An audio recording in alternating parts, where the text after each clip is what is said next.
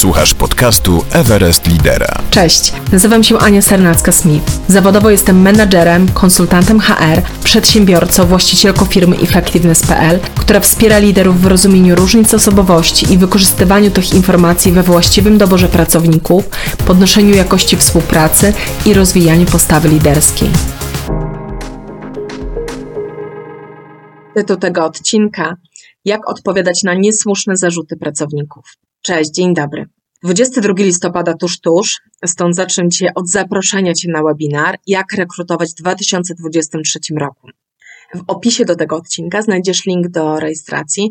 To ważne spotkanie, na pewno to będzie wartościowy czas, bo dam Ci w pigułce informacje o tym, czego możemy się spodziewać w rekrutacji w przyszłym roku, na co zwrócić uwagę projektując działania rekrutacyjne, w tym działania też marketingowe, co możesz zrobić, żeby pozyskać e, osobę, która no, wpisze się bardzo dobrze w to, czego Ty potrzebujesz i wpisze się długofalowo i co możesz zrobić, żeby utrzymać jej poziom e, zaangażowania. Wiele się zmienia na rynku pracy, stąd e, ja to bardzo, bardzo dokładnie śledzę i na tym spotkaniu podzielę się z Tobą wnioskami e, z międzynarodowych publikacji, które wokół tematu ujrzały już światło dzienne. Także nie będziesz musiał szperać, dostaniesz ode mnie te informacje wprost na wirtualnej tacy. Także zapraszam Cię na webinar. A co dziś ode mnie dostaniesz? Dzisiaj zaczniemy sobie od e, ponazywania tego, dlaczego w ogóle dochodzi do tego, że no, doświadczasz niesłusznych e, zarzutów ze strony pracowników. E, no i nie będę tutaj kierowała się w stronę oskarżeń pracowników, ich niedojrzałości itd., tak itd. Tak pokażę Ci to z innej perspektywy, wierzę, i pokażę Ci, co w związku z tym możesz zrobić, jak możesz odpowiadać na niesłuszne zarzuty pracowników, jakimi konkretnie słowami, a kiedy na przykład nic z tym nie robić, po prostu to zostawić. Znajdziesz tutaj dzisiaj też odpowiedź na pytanie, jak reagować na zarzuty, kiedy wiesz, że jest nich trochę racji, więc co zrobić, żeby wyjść z twarzą? A słowo, które dzisiaj będzie ze mną przez najbliższych 20 minut, to jest dojrzałość. Bo kiedy próbowałam sama sobie odpowiedzieć e, na pytanie, jak odpowiadać na niesłuszne zarzuty pracowników, no to ta dojrzałość od razu przyszła mi na myśl. Ona e, w kontekście e, dzisiejszego tematu będzie kategorią bardzo pojemną, bo ona będzie zawierała to, co sobie warto myśleć o takich sytuacjach, co możesz zrobić, a czego warto nie robić i zostań do końca, byś otrzymał e, ode mnie przykład też tego, w jaki sposób dojrzale na zarzuty pracowników możesz odpowiedzieć. Ale zanim do tego dojdziemy, naturalnie skupmy się na tym, co jest istotą e, sytuacji, w której doświadczasz niesłusznych zarzutów pracowników. Takie poukładanie tych informacji też mi samej pomogło w dojrzały sposób odpowiadać na zarzuty pracowników. Po pierwsze, mm, to jest tak, że pamiętam Cię o tym, że te niesłuszne zarzuty pochodzą z drugiej strony, od innych osób.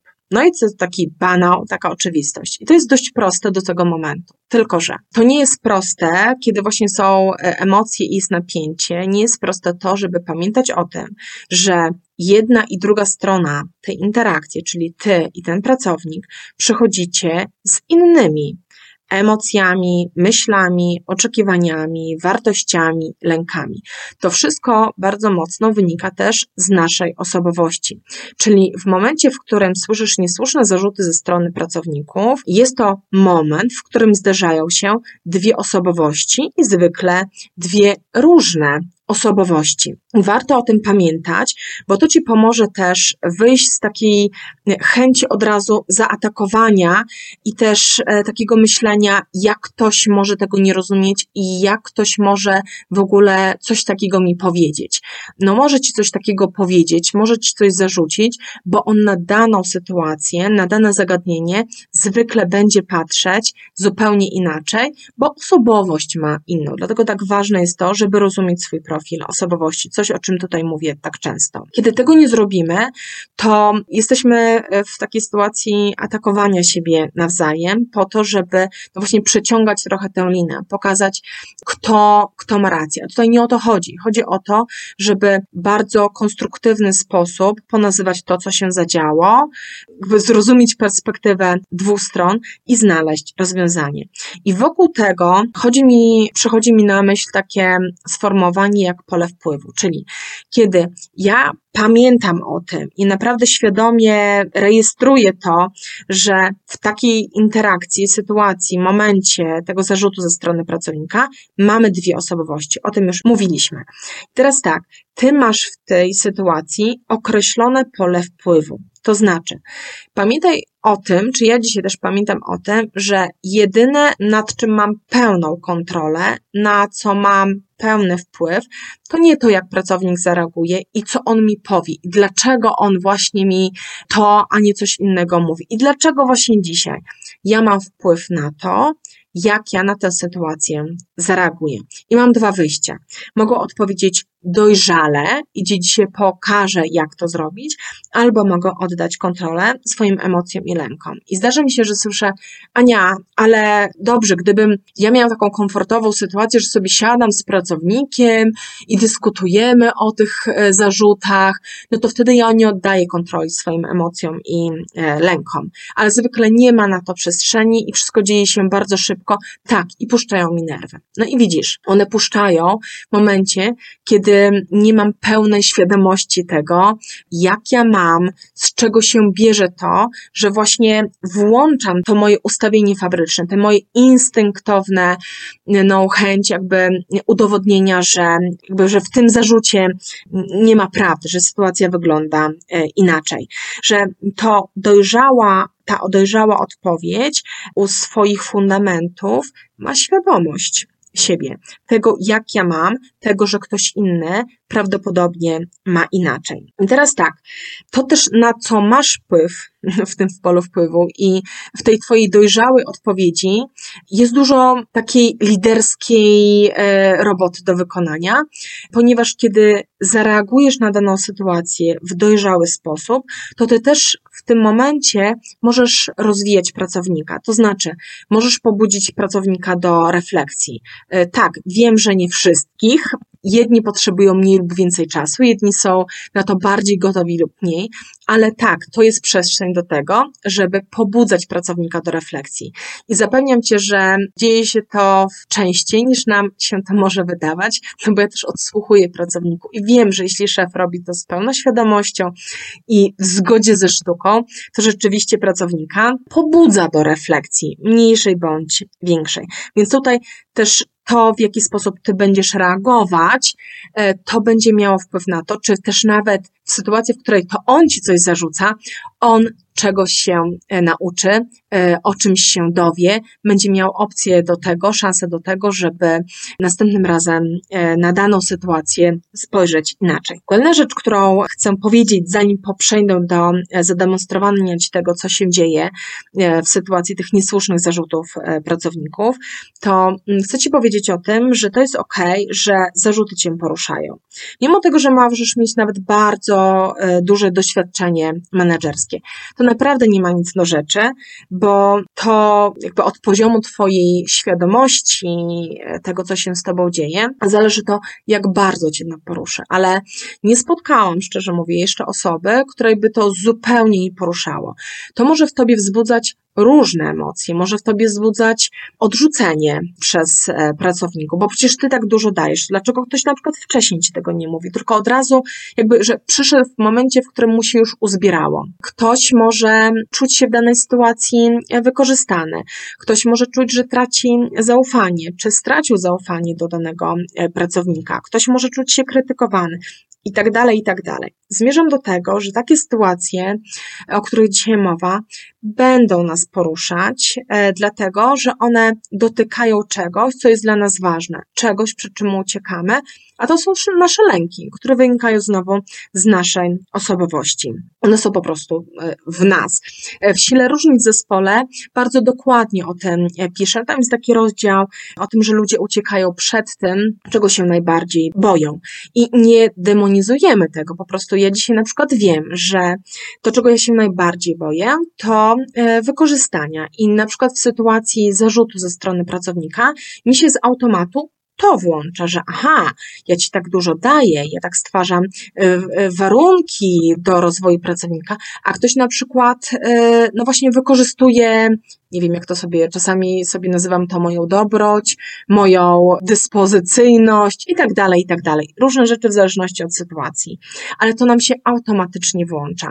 Włącza mi się czasami też to, że czuję się e, krytykowana ze strony pracownika, tak, że ktoś mi zarzuca jakość, jakby z tym gdzieś mi jest trudno sobie się e, pogodzić. Czasami mam takie sytuacje, w których włącza mi się to, że tobie tak zaufałam, a e, dostaję nie to, czego bym się spodziewała, tak, że dlaczego dlaczego ktoś, e, ktoś mógł na tę sprawę, na moje zachowanie tak czy inaczej e, spojrzeć. I zobacz, o czym ja Ci opowiadam. I opowiadam Ci o tym, co się we mnie czy w Tobie może zadziać. Ale co ważne, niekoniecznie to jest to, co się rzeczywiście dzieje na poziomie tej interakcji między wami, bo to jest na razie to, co się we mnie instynktownie dzieje. Tylko teraz tak, ważne jest to, żeby sprawdzić, czy rzeczywiście to, co ja czuję, ma pokrycie w rzeczywistości, bo zwykle jest tak, że tak nie jest, dlatego że intencją pracownika naprawdę rzadko kiedy będzie to, żeby po prostu strzelać, wiesz, z karabinu maszynowego w stronę przełożonego. Chociaż to tak się może na zewnątrz wydawać. Nie jego intencją będzie to, żeby ci uprzykrzać życie, że ci pokazać twoją niekompetencję. Czasami tak, czasami tak będzie się działo. Ale zwykle to są takie objawy, które widać, ale tak naprawdę w każdej sytuacji tam chodzi o coś, co się dzieje też w tym danym pracowniku. I zobacz, tak jak ja opowiadałam o sobie, że we mnie włącza się poczucie wykorzystania czy bycia skrytykowano, tak w drugiej stronie też coś się włączyło, i ważne jest to, żeby to wyłapać, co się takiego zadziało, żebyśmy zrozumieli, dlaczego on w moim kierunku takie, a nie inne zarzuty kieruje. E, w pracowniku może włączać się to, że jest ryzyko tego, że będzie uznany za osobę niekompetentną, że się z czegoś nie wywiąże, że też może się na przykład czuć nierówno traktowany w zespole, że e, może czuć się już zdemotywowany tym, że nie rozumie, jaki jest sens jego pracy i tak dalej, i tak dalej. Więc to, że on w Twoim kierunku wypowiada zwykle e, werbalnie zarzuty, to nie oznacza, że to jest przeciwko Tobie. Bardziej spójrz na tę sytuację tak, co to o drugiej stronie mówi. To niekoniecznie tutaj naprawdę chodzi o ciebie. Dzisiaj, no właśnie bardzo mi pomaga to, że ja wiem, jak ja naturalnie reaguję na zarzuty, co mi się włącza, jakie lęki mną kierują, powodują, że ja czuję, myślę i działam tak, a nie inaczej, ale też świadomość tego, jak ma poszczególny pracownik w moim zespole, bardzo mi pomaga w tym, żeby dojrzale na tę sytuację odpowiedzieć. I co to znaczy? Dla mnie dojrzale odpowiedzieć na sytuację oznacza to, że ja nie oddaję kontroli swoim emocjom i swoim lękom. Czyli nie zostaję tylko w sferze tego, że czuję się wykorzystana, więc teraz atakuję pracownika, czy się wycofuje, ktoś inny by tak zareagował, no żeby tylko siebie ochronić. Nie, ja podejmuję wysiłek w kierunku tego, żeby zatrzymać się i sprawić, co się takiego dzieje, że pracownik tak, a nie inaczej się czuję i naturalnie w moim kierunku taki, a nie inny zarzut kieruje. I to nie jest tak, że kiedy ja to wiem, a dzisiaj ja to wiem o sobie i wiem o swoich pracownikach i w ten sposób też uczymy innych menadżerów pracować, że mi się na przykład nie zdarza wybuchnąć, właśnie y, działać pod wpływem emocji. Mi się to też zdarza, bo ja jestem człowiekiem. Tylko ta świadomość tego, jak ja mam, rozumienie swego profilu, osobowości, pomaga mi w tym, żeby nie doprowadzić do sytuacji, w którym tym kotle będzie już tam ostro bulgotało. Nie nawet jak już włączam emocje, to ta świadomość pozwala mi się zatrzymać i tak, Ania, Ania, stop, zatrzymaj sytuację, uspokój emocje, poprzyglądaj się temu, co się w tobie zadziało, co ty słyszysz jak ty się czujesz i dobra, kim jest ta druga strona, co w niej się takiego zadziało, przed czym ona ucieka, czego ona się boi, dlaczego ona to, a nie coś innego dzisiaj podrzuca i o tym rozmawiać. Podam Ci taki przykład. Mm, możesz na przykład doświadczyć tego, że pracownik ci mówi, że co chwilę zmieniasz zdanie co do swoich oczekiwań, a na przykład już miałeś tego nie robić. To są częste sytuacje. No i teraz tak, może być tak, że rzeczywiście tak robisz, czy ja robię. Jakby mówię, jakby ogólnie o liderach zespołów, tak? Więc jeśli tak się dzieje i na coś się umawialiście, a ty zmieniasz oczekiwania co chwilę, no to nie dziwne, że ten pracownik przychodzi też e, cały rozemocjonowany i to napięcie w sobie czuje. Więc e, zwyczajnie warto jest wyciągnąć z tego lekcję, może nawet też e, przeprosić i pomyśleć, co możesz zrobić, żeby do takiej sytuacji nie dochodziło, albo na przykład, kiedy te oczekiwania potrzebujesz zmieniać, bo tego wymaga dana sytuacja, dany biznes, dane okoliczności rynkowe i tak dalej, i tak to to warto też wyjaśnić, dlaczego te oczekiwania zmieniasz Jakie postawy ty potrzebujesz od pracownika, żeby on jakby był bardziej otwarty na zmianę twoich oczekiwań, ale czy to, czego też on od ciebie potrzebuje e, do tego, żeby się w tych zmiennych oczekiwaniach odnaleźć. Ale kiedy czujesz, że te zarzuty nie mają pokrycia, że to są niesłuszne zarzuty, bo w twojej opinii nie zmieniasz e, swoich oczekiwań, one są takie, jakie wcześniej zwerbalizowałeś, no to pamiętaj o tych dwóch perspektywach. To jest Twoja perspektywa. Więc warto sprawdzić, jak pracownik rozumie Twoje oczekiwania. Czy warto jest doprecyzować co ty masz na myśli. Powiedzieć też o tym, że moja perspektywa jest taka. Moje oczekiwanie rozumiem tak i tak. Powiedziałem, powiedziałam wcześniej to i to, miałam na myśli to i to. Jakie zachowania za tym stoją? E, jaka postawa za tym stoi? Bo naprawdę, nawet możemy sobie bardzo mocno definiować to, czego od siebie nawzajem oczekujemy, a kiedy wchodzimy w proces realizacji zadań, naturalnie też możemy słyszeć coś innego, pamiętać coś innego i warto sobie sprawdzać ze sobą, jak te oczekiwania rozumiemy. Więc e, w sytuacji, w której czujesz, że doświadczasz niesłusznych zarzutów ze strony pracownika, jeśli jest tym ziarnko prawdy, no to, czy może tak, jeśli coś w tym jest, jeśli rzeczywiście ma to pokrycie w rzeczywistości, to przeproś i jakby wskaż, co zrobisz, żeby do takiej sytuacji nie dochodziło. Natomiast kiedy czujesz, że nie, to ty się z tym nie zgadzasz, to sprawdź, z czego może wynikać to, że pracownik tak to widzi. Zwykle przyczyna leży w różnicy osobowości, w stylu komunikacji, w różnych wartościach, za którymi stoi to, że inaczej patrzymy na te same kwestie. I takim sformułowaniem, które bardzo dobrze działa, które jest bardzo takie asertywne i dojrzałe w związku z tym, jest to, żeby powiedzieć, właśnie moja perspektywa jest taka. Powiedz mi, jaka jest Twoja perspektywa ja od ciebie potrzebuję tego i tego, czego ty możesz ode mnie potrzebować. Tak, żeby właśnie do takich sytuacji nie dochodziło. Liczy się dla mnie X, Y, Z. Ważne jest dla mnie to i to. To akceptuję, tego nie akceptuję. Z tym się zgadzam, z tym się nie zgadzam. I teraz tak, um, jeśli znasz i dobrze rozumiesz, pracujesz ze swoim profilem osobowości, jeśli dobrze też rozumiesz swoich pracowników, jakie stoją za nimi lęki, jakie oni mają potrzeby, z czego wynika to, że ten pracownik no coś ci zarzuca. Może on właśnie boi się tego, że wyjdzie, że nic nie robisz, że ty może uznajesz go za niekompetentnego, może właśnie czuje się nierówno traktowany i tak dalej, i tak dalej. Jeśli to wszystko wiesz i w takim kluczu rozmawiasz z pracownikiem, czyli nie atakujesz, nie dochodzi do tego, że jakby sytuacji, wiesz, takiej walki o to, żeby nie być zwyczajnie w środku skrzywdzonym, wykorzystanym, tylko chcemy siebie chronić, a y, nie masz efektu. To znaczy, gdzieś słyszysz, że do pracownika Mm, szukam dobrego słowa, przychodzi mi na myśl, nie dochodzi to, tak? Gdzieś, gdzieś on jeszcze tego nie przeprocesowuje, to co w takiej sytuacji zrobić? Ja doświadczałam kiedyś takiej sytuacji, jakby nie raz, tak? Ale w takich sytuacjach często posiłkuję się doświadczeniem innych osób i zwykle zwierzam się innym z takiej sytuacji, właśnie pytając, co mam zrobić? Jeden e, z liderów zespołu odpowiedział mi coś, co sobie bardzo mocno wziąłem do serca Odpowiedziała Ania, jeśli tyle zrobiłaś, to dlaczego masz coś jeszcze robić? Zostaw to. I zostaw to, to nie oznacza, e, wiesz, olej to, nie zwracaj na to uwagi, zwolnij pracownika. Zupełnie to nie jest to. Czasami taką sytuację trzeba zostawić po to, by pracownik też miał czas na refleksję by pracownik miał czas na to, żeby ochłonąć. Czasami też jest tak, że pracownik nie jest jeszcze gotowy na to, żeby usłyszeć to, z czym ty do niego przychodzisz. I to też jest w porządku. No i to są takie sytuacje, te ostatnie, o których mówię, które naprawdę da się przewidzieć.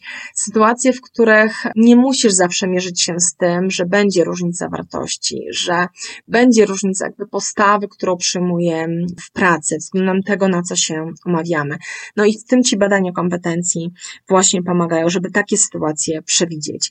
Ale tak czy inaczej, pamiętaj, tak podsumowując, pamiętaj o tym, że kiedy słyszysz niesłuszne zarzuty, w Twojej opinii zarzuty ze strony pracowników, to pamiętaj o tym, że zawsze mamy dwie perspektywy. To jest zawsze informacja o czymś, co się w pracowniku dzieje i nie zawsze to musi być przeciwko Tobie. To może być zwykle informacja o tym, czego on potrzebuje, czego on się gdzieś w środku obawia.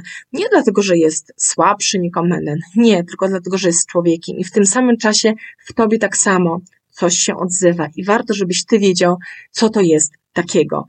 I kiedy ty to wiesz, kiedy ty to masz, to łatwiej ci będzie zatrzymać się, uciszyć emocje i przegadać to, jaka jest Twoja perspektywa, jaka jest perspektywa drugiej strony, czego nawzajem od siebie możecie potrzebować, żeby po prostu między Wami było porozumienie, a nie walka o to pole wpływu, gdzie czujemy, że ktoś na to moje podwórko niepotrzebnie wchodzi.